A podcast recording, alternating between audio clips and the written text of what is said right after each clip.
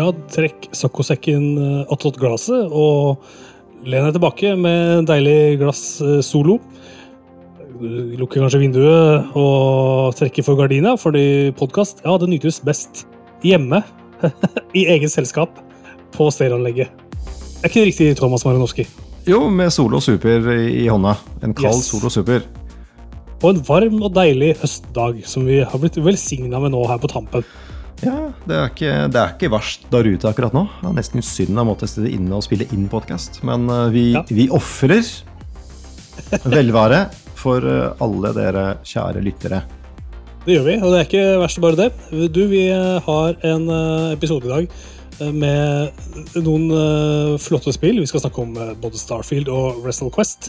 Men vi starter med ja, Skal vi si at vi har et uh, bitte lite nyhetssveip i dag på starten?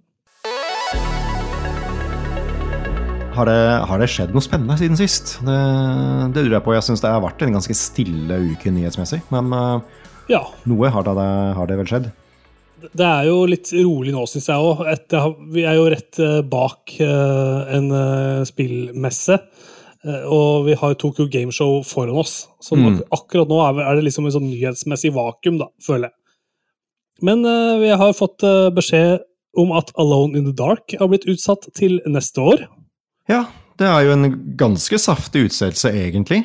Det skulle jo kommet uh, i oktober i år, og så er det nå utsatt Det har vel ikke fått en fast dato? Jo Det, da, er liksom, det har det, ja. dato kommet, og det er 16. januar. Tirsdag 16. januar. Mm. Ja, nei, men det er, eh, det er noen gode ekstra måneder å pusse, pusse spillet på. Ja. Eh, For de som ikke er helt eh, fulgt med, så er jo Alone in the Dark en helt fersk reboot av den veldig gamle horrorserien som på et vis kan man si inspirerte Resident Evil i sin tid. De første Alone in the Dark-spillene var jo litt sånn eh, isometrisk, eh, eller, eller litt sånn ja, sånn kameraperspektiv som kan minne litt om Resident Evil, og, og litt av uh, tilsvarende stemning, kanskje.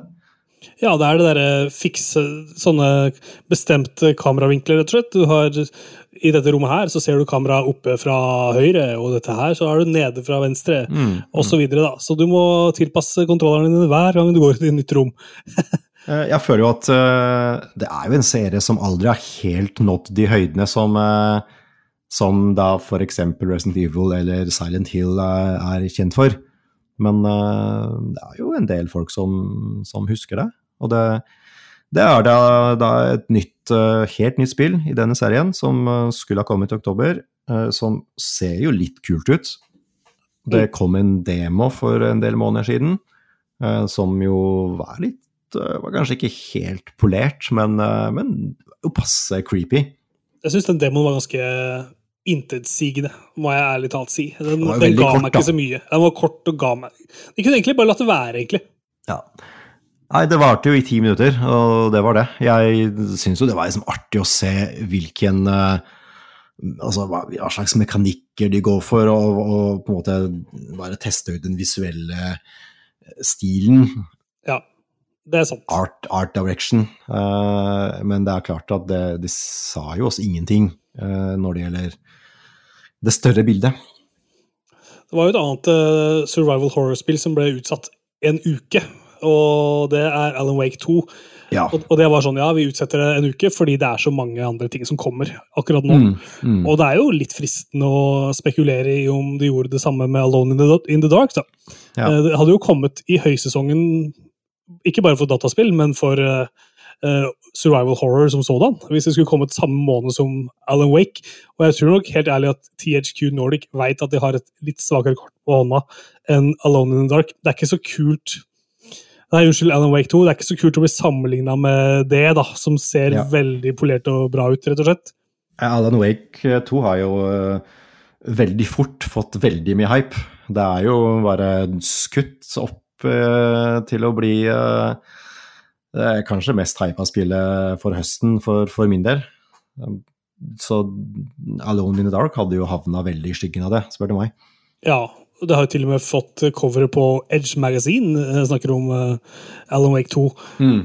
Så, og det ser uh, veldig bra ut. Det var uh, ti sider med intervjuer og previews inni, inni bladet, så det er folk ganske klare for, ja.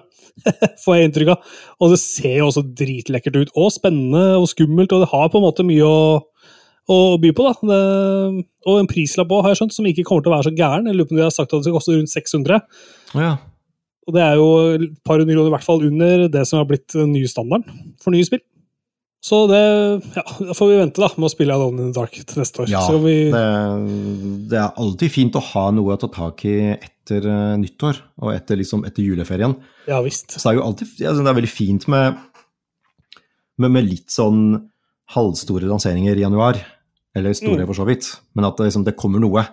Når du, når du har sittet hjemme i romjula og, og gama gjennom backloggen din fra året som var gått, og så starter nytt år, og så er det fint å vite at ja, ja, det er liksom bare to uker til, så kommer det, så kommer det noe nytt. Mm. Det er helt sant. Og vi har episoder planlagt i uoverskuelig fremtid, vi, så vi kommer til å snakke om det når det kommer. Og så har jo vi to fryktelig mye å spille nå. Herregud, vi skal snakke om årets beste spill i desember, og det kommer til å bli en ganske pakka, pakka prat, sannsynligvis. Det tror jeg. Det har kommet mye bra i år, og mer er på vei. Eh, Får vi se da, om et par uker når Tokyo Gameshow eh, kicker løs, hva vi får der av nyheter. Du, jeg har en uh, filmnyhet på gang. Jeg vet ikke hva slags forhold du har til Godzilla, Thomas? Du mener Gojira? Gojira. Uh, denne denne øglemannen, han er vel en eh, Han er på en måte en sånn firfisle, en dinosaurfirfisle, eh, radioaktiv eh, sådan, som Ja. dukker opp med ujevne mellomrom.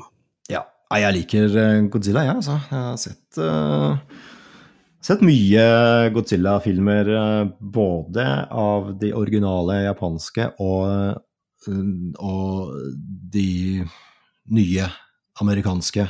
Ja.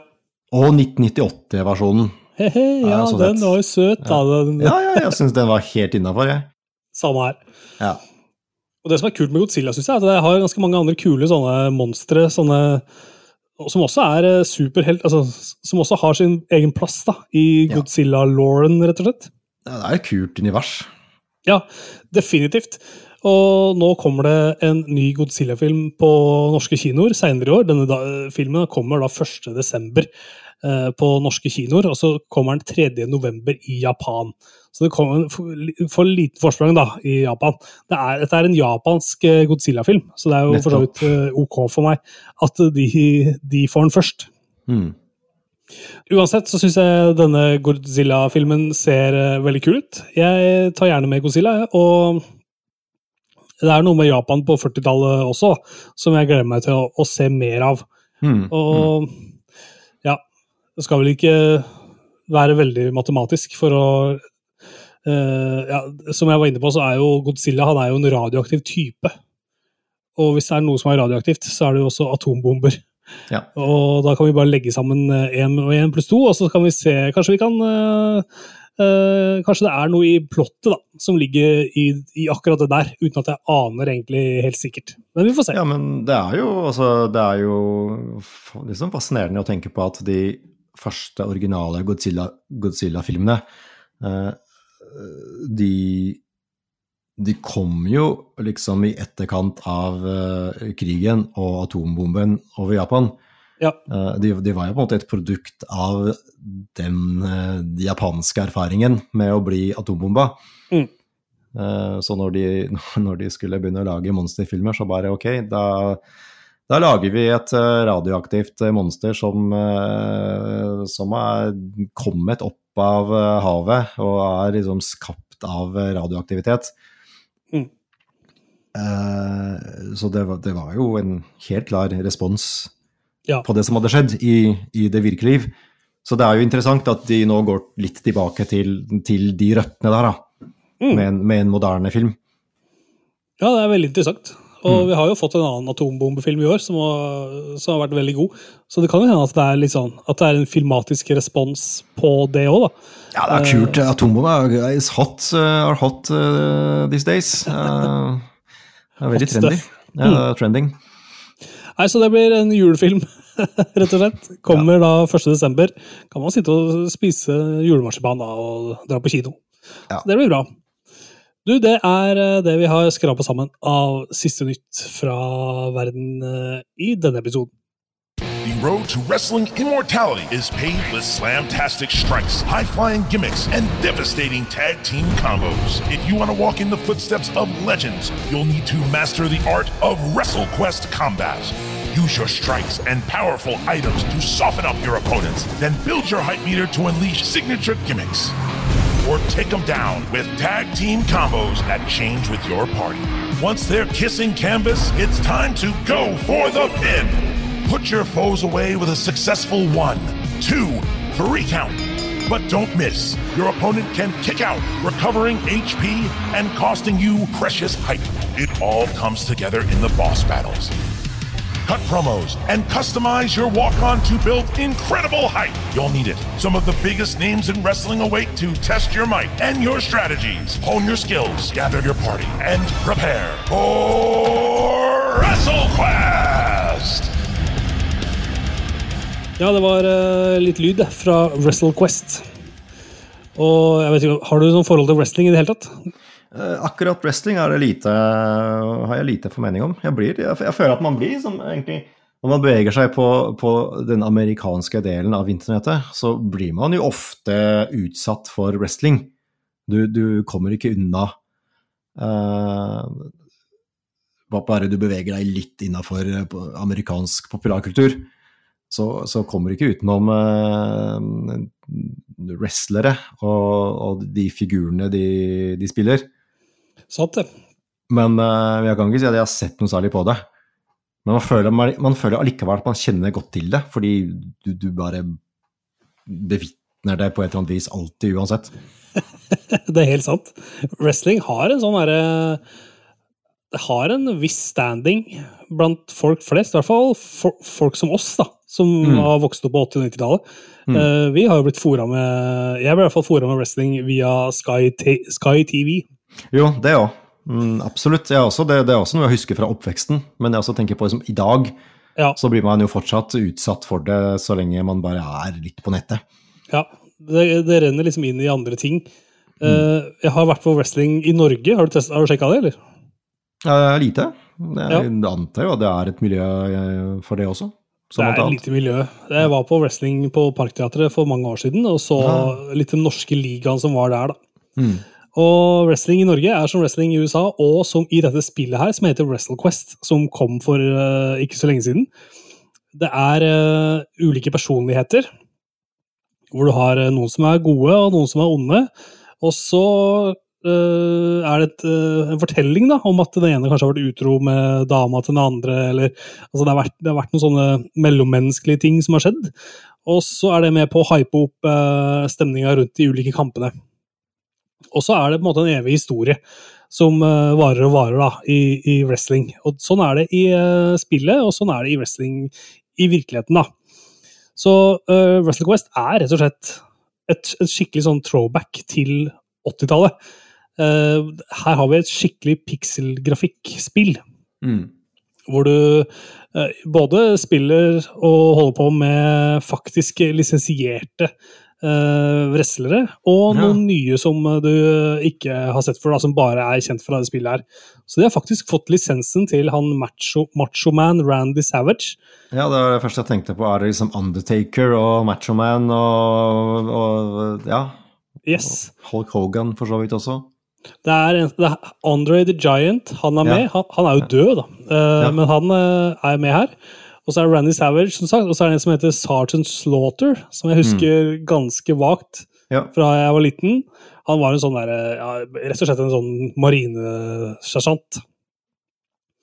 Og så er det en fyr som heter Jeff Jarrett, og en annen som heter Diamond Dallas Page, og to i et tagteam som går under navnet The Road Warriors.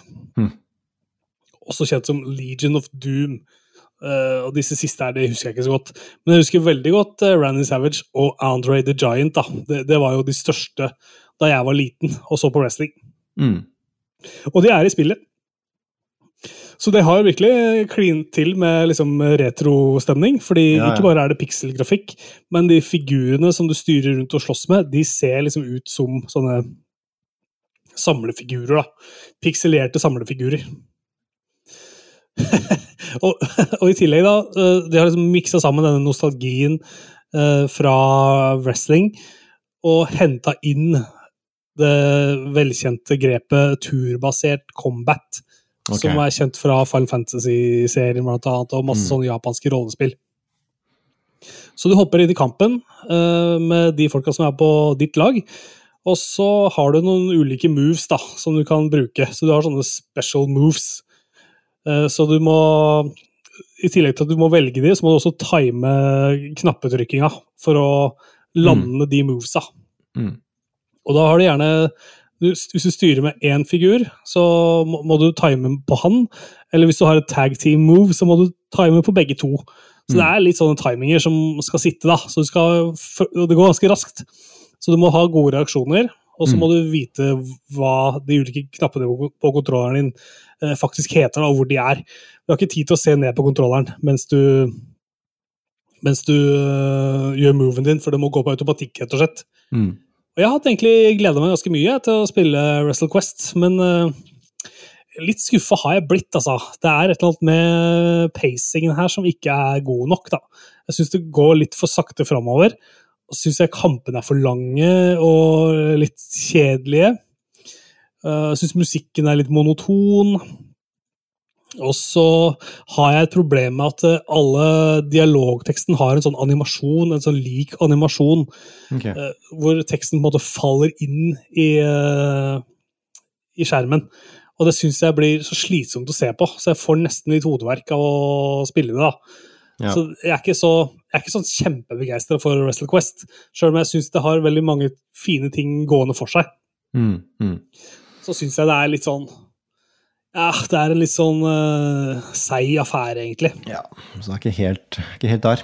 Det er ikke helt i mål, altså, selv om jeg hadde ønska meg at det skulle treffe midt på nesa. Mm. Og så har jeg altså, det er sånne, i, i, en, I en chokehold uh... Ja. ja. uh, så er det Jeg syns også kampene er liksom litt for langt unna, da. Så det, er veldig sånn zooma ut. Jeg skulle gjerne vært tettere på og sett det liksom litt mer direkte på. Mm. Så det er noen sånne tekniske ting som jeg ikke er så fornøyd med, som trekker det hele litt ned. Men jeg syns ideen er jo fantastisk. Og hvis du er en Wrestle-fan og alt det der, så burde du jo få det med deg hvis du kommer på GamePass eller PlayStation Now eller et eller annet sånt. Da. Ja, skjønner. Men foreløpig så er det nok noe jeg anbefaler å vente litt med. Fair enough.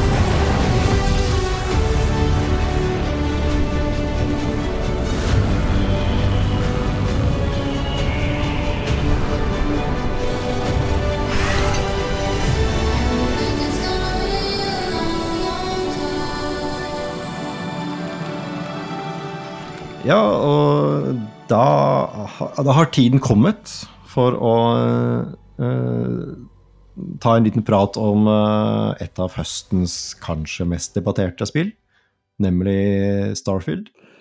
Yes. Som uh, vi nå begge har spilt en stund. Og spilt en del men uh, kanskje ikke nok til å gi en litt sånn fullverdig anmeldelse. Uh, heller et førsteinntrykk. Det er jo et gigantisk spill, og Eh, og det er nå slik når man er voksen at man har litt andre ting også å drive med enn å bare sitte og game. Eh, så ingen av oss har vi hatt liksom tid til å sitte og, og holde på med Starfield i 50 timer, som man skulle gjerne gjort. Men, eh, Dessverre, altså. Man må, man må lufte hunden og vaske klær og mange kjedelige voksne ting. Ja, spesielt det å vaske klær. Jeg gjør det hele tida, og det tar så mye tid. Yes, og liksom korrekt. kvaske de for hånd hvert plagg, og, og henge de opp ute, ute til tørk. Ja. Masse jobb. Masse jobb.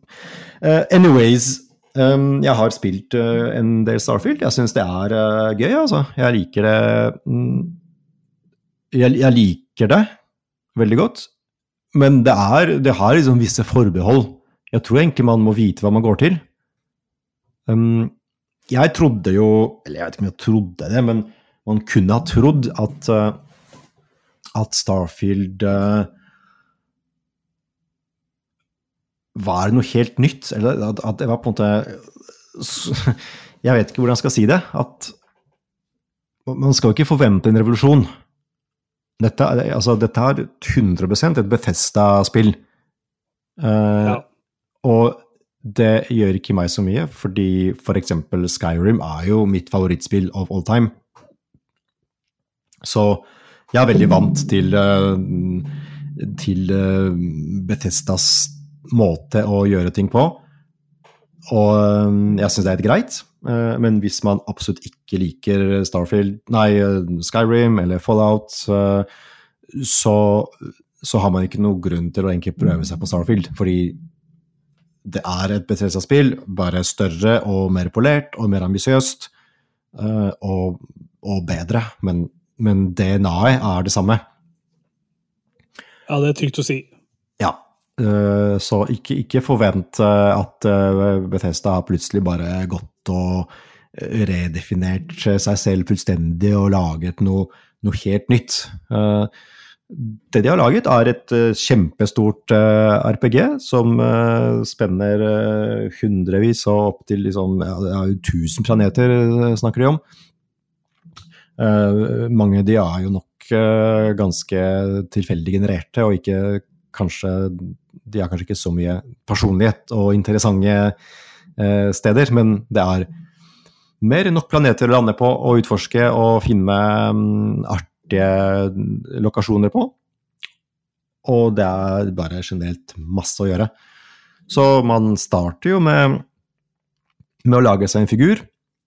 Eh, Du kan, eh, i likhet med andre Bethesda-spill, tilpasse utseendet, og så velger du en del eh, litt sånne perks som du starter med, og, og litt sånn personlighet-traits, som gir deg visse fordeler fra, fra starten av.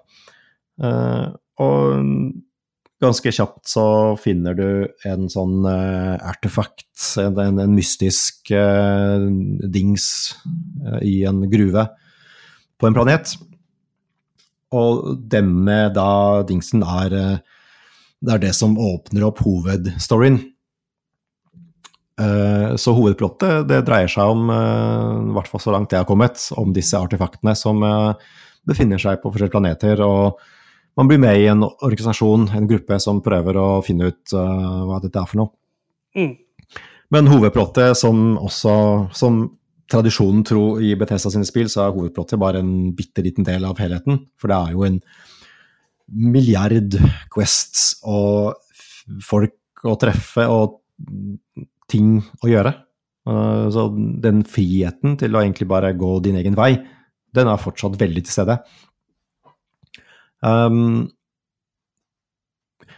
så det Den store forskjellen er jo at i motsetning til si Fallout eller Elder Scrolls-spillene, så er du ikke i ett land, ikke i ett område som er stort og åpent, men i stedet så beveger du deg fra planet til planet, hvor ja, disse planetene har forskjellige egenskaper. Eh, De, de, de har sine måter å se ut på, og noen er mer gjennomført enn andre. Noen er liksom viktigere enn andre. Mange av planetene er bare veldig ubetydelige. Og du kan lande der, og du kan gå litt rundt, og så finner du kanskje en eller annen forlatt uh, gruve eller en forlatt utpost. Men, uh, men, det er bare sikkert noen titalls som er virkelig mer gjennomført, da. Men det er masse lokasjoner å oppsøke, uh, og du har ditt eget skip som du kan bevege deg inn i, akkurat som du vil. Du kan bygge det ut. Det har ikke jeg prøvd i det hele tatt, men du kan både få tak i andre skip, og så kan du bygge ut de skipene du har. Du kan oppgradere det, du kan Jeg tror du kan gjøre det ganske omfattende. Og alt det du har bygd, kan du gå inn i og utforske for hånd, eller til fots. Ja. Uh, disse skipene altså det, det, er jo litt sånn du, du kan fly uh, det skipet ditt ute i rommet, men du reiser ikke med det. Du, du kan ikke fly fra planet til planet i real time. Uh, så jeg vet at noen er kanskje litt skuffa at det er ikke en, det er ikke en romsimulator. Uh, for det er på ingen måte det. Du kan ikke bare sette deg i skipet ditt på en planet og ta av og fly gjennom atmosfæren og fly i sanntid til en annen planet og inn i atmosfæren der og lande. Det går ikke. Uh, når du er i rommet, så er du i rommet, og kan, uh, det er combat. Du kan møte på pirater som begynner å skyte på deg, du kan angripe folk.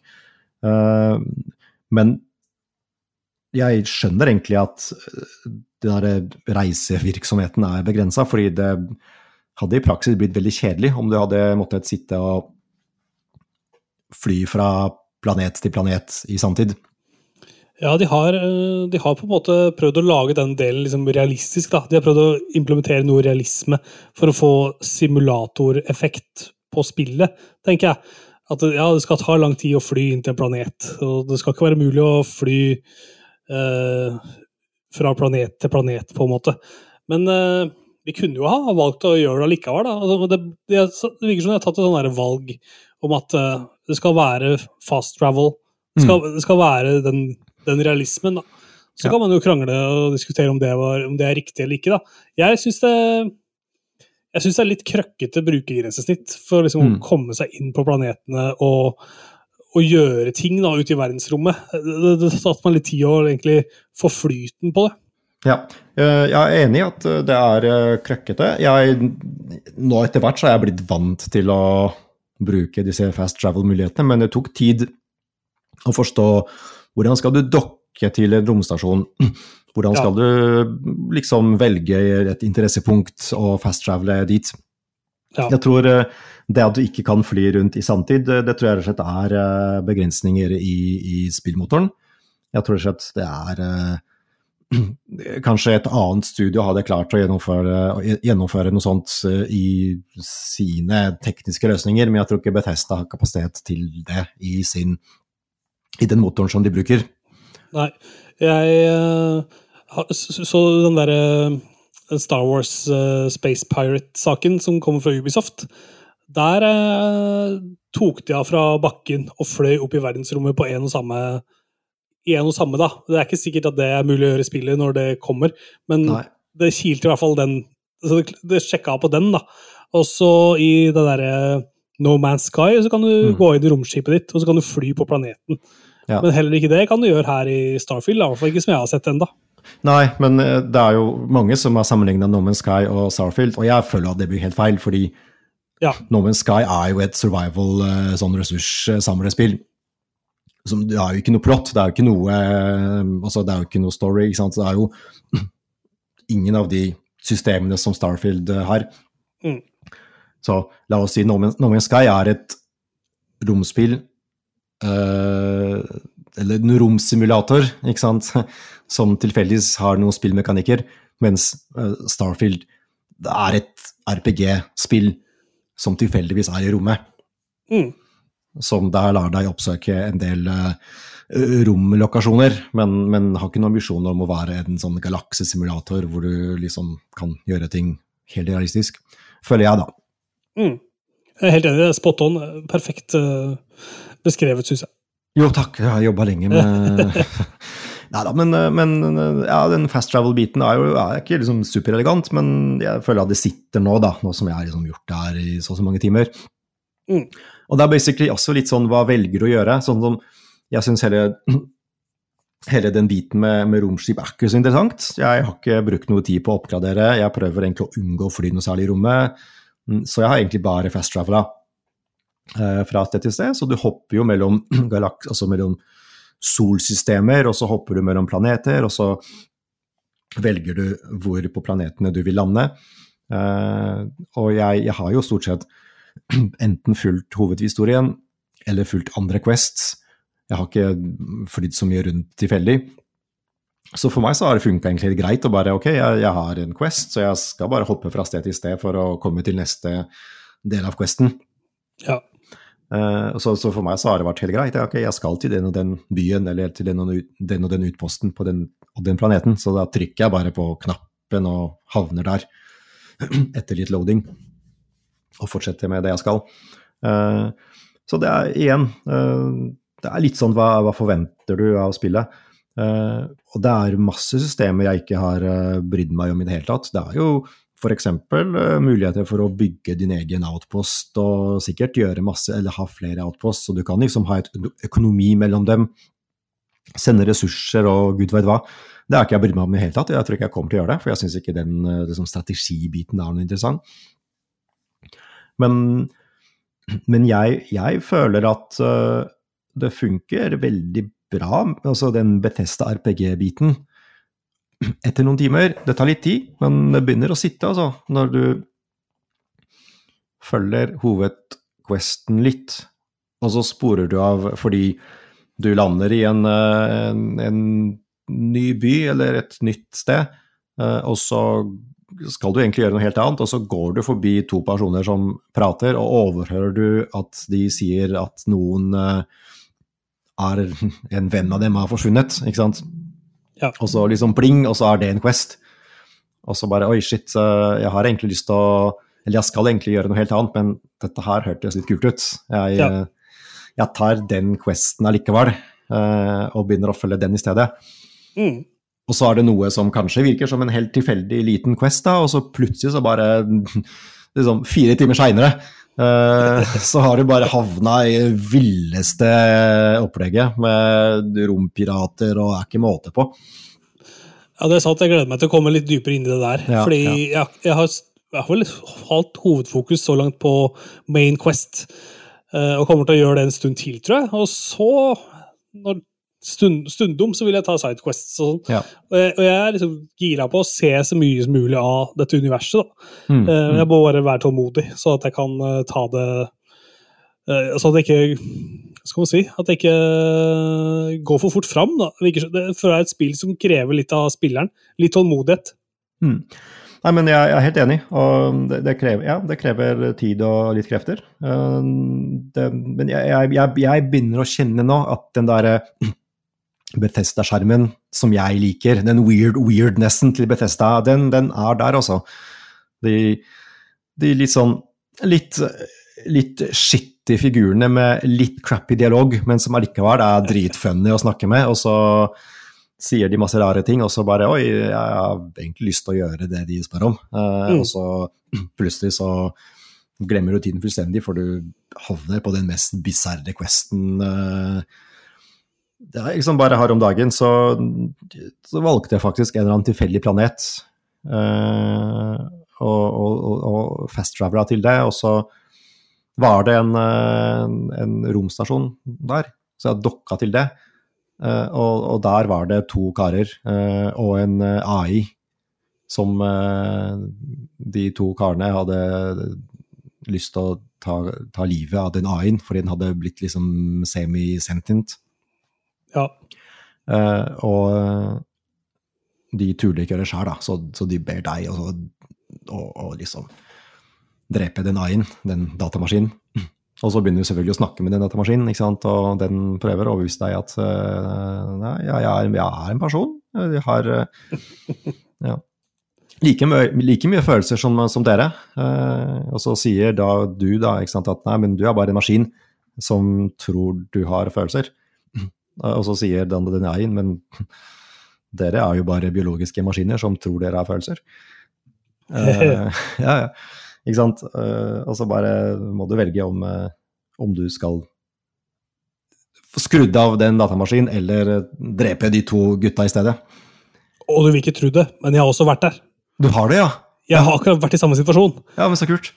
Og jeg Det er litt spoiler, da, men jeg valgte å, å drepe de to karene som sto der. Jeg tok A-en.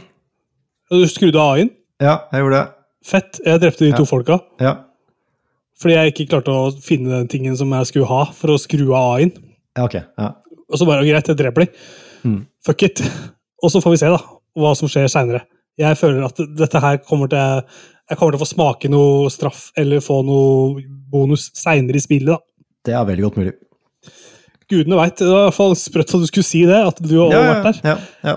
Nei, men det, det, det er jo litt sånn det, det at man, eh, man kan utveksle sånne historier. At jeg har opplevd det og det, og så gjorde jeg det. Og så bare ja, jeg har også liksom vært borti det, men jeg gjorde noe helt annet.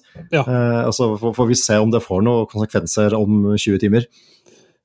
Og vi kan snakke om det igjen om eh, to uker, da, dette spillet. Og se hva vi, om vi kommer tilbake til eh, akkurat den derre Her gikk vi hver vår vei. Hva Ja. betydde det for oss? Absolutt. Nei, men eh, det er godt, eh, godt å høre at du også er i gang. Eh, jeg, jeg planer om å kose meg med Starfield utover. Utover mm. høstmånedene. Samme her, helt til noe annet baner seg fram som jeg må få spilt til podden. Men jeg skal prioritere Starfield når jeg kan. Absolutt. Du, Vi nærmer oss slutten av episoden, men helt til slutt så har vi begynt med en sånn anbefalingsspalte, hvor vi anbefaler ting vi liker. Og i dag er det jeg som har med meg eh, Godzilla på Netflix. Et søk, altså. Gå inn på Netflix Ja. og søk opp Godzilla. Da finner du litt forskjellige ting. Men det er i særdeleshet tre sånne animerte eh, Netflix-spesialer som jeg har lyst til å anbefale. Aha. De er jævlig tighte og japanske, og skikkelig Godzilla-te. Og gir et Mm. veldig bra innblikk i Godzilla-law, Mm. med alt som hører til. Uh, alt fra radioaktivitet til kule sidemonstre. Så eh, Ja. et bra sted å starte for en helt sånn fersk Godzilla-novise. Ja. Så du kan se det, og så kan du gå videre og se uh, helt sprø Godzilla-ting fra Japan litt seinere. Ja, som er litt kan- mindre tilgjengelig. Ja. Jeg kan komme med en anekdote her, faktisk. Jeg har, jeg har ikke noe sånn eget uh, tips uh, å gi akkurat i denne sending, for jeg har ikke gjort så mye annet enn å spille Starfield. Starfield. Men, uh, men Godzilla på Netflix, det er litt funny, fordi når, når Netflix først kom, for de som husker det, når det liksom åpna i Norge, så var det ganske vanlig å og for de mer entusiastiske å bytte litt sånn soner og åpne for amerikansk Netflix og andre lands eh, Netflix. Stemmer det? Reise litt med VPN og sånn? Ikke sant? og, og jeg husker at på i en eller annen, om det var amerikansk eller jeg husker ikke, men i hvert fall så lå det i en eller annen sone, så, så lå det masse av de gamle, originale Godzilla-filmene. Ja. De fra 50-, 60-, 70-tallet. Så da husker jeg drev og, og så på de. Uh, altså det var litt kult. Uh, det begynner å bli sikkert ti år siden, og jeg aner ikke om uh, disse originale filmene ligger på noe streaming noe sted. Det gjør de kanskje. Jeg har ikke sjekka det på lenge, men, men det er sånn godt minne fra, fra streamingens spede begynnelse, når, eh, når man kunne bytte region uh, uten noe styr. Ja, det var tider. Og- Ja, ja, det var tider. Um, og så forsvant jo disse filmene, og så blei ble det jo sperra for eh, regionbytte. Ja. Så nå, nå sitter, vi det vi, sitter vi med det vi sitter med. Ja. Men, uh, men Godzilla er kult. Hvis uh, folk må se mer Godzilla. De gamle også. Hvis man har mulighet. Se det. Helt enig. Hot, hot tips.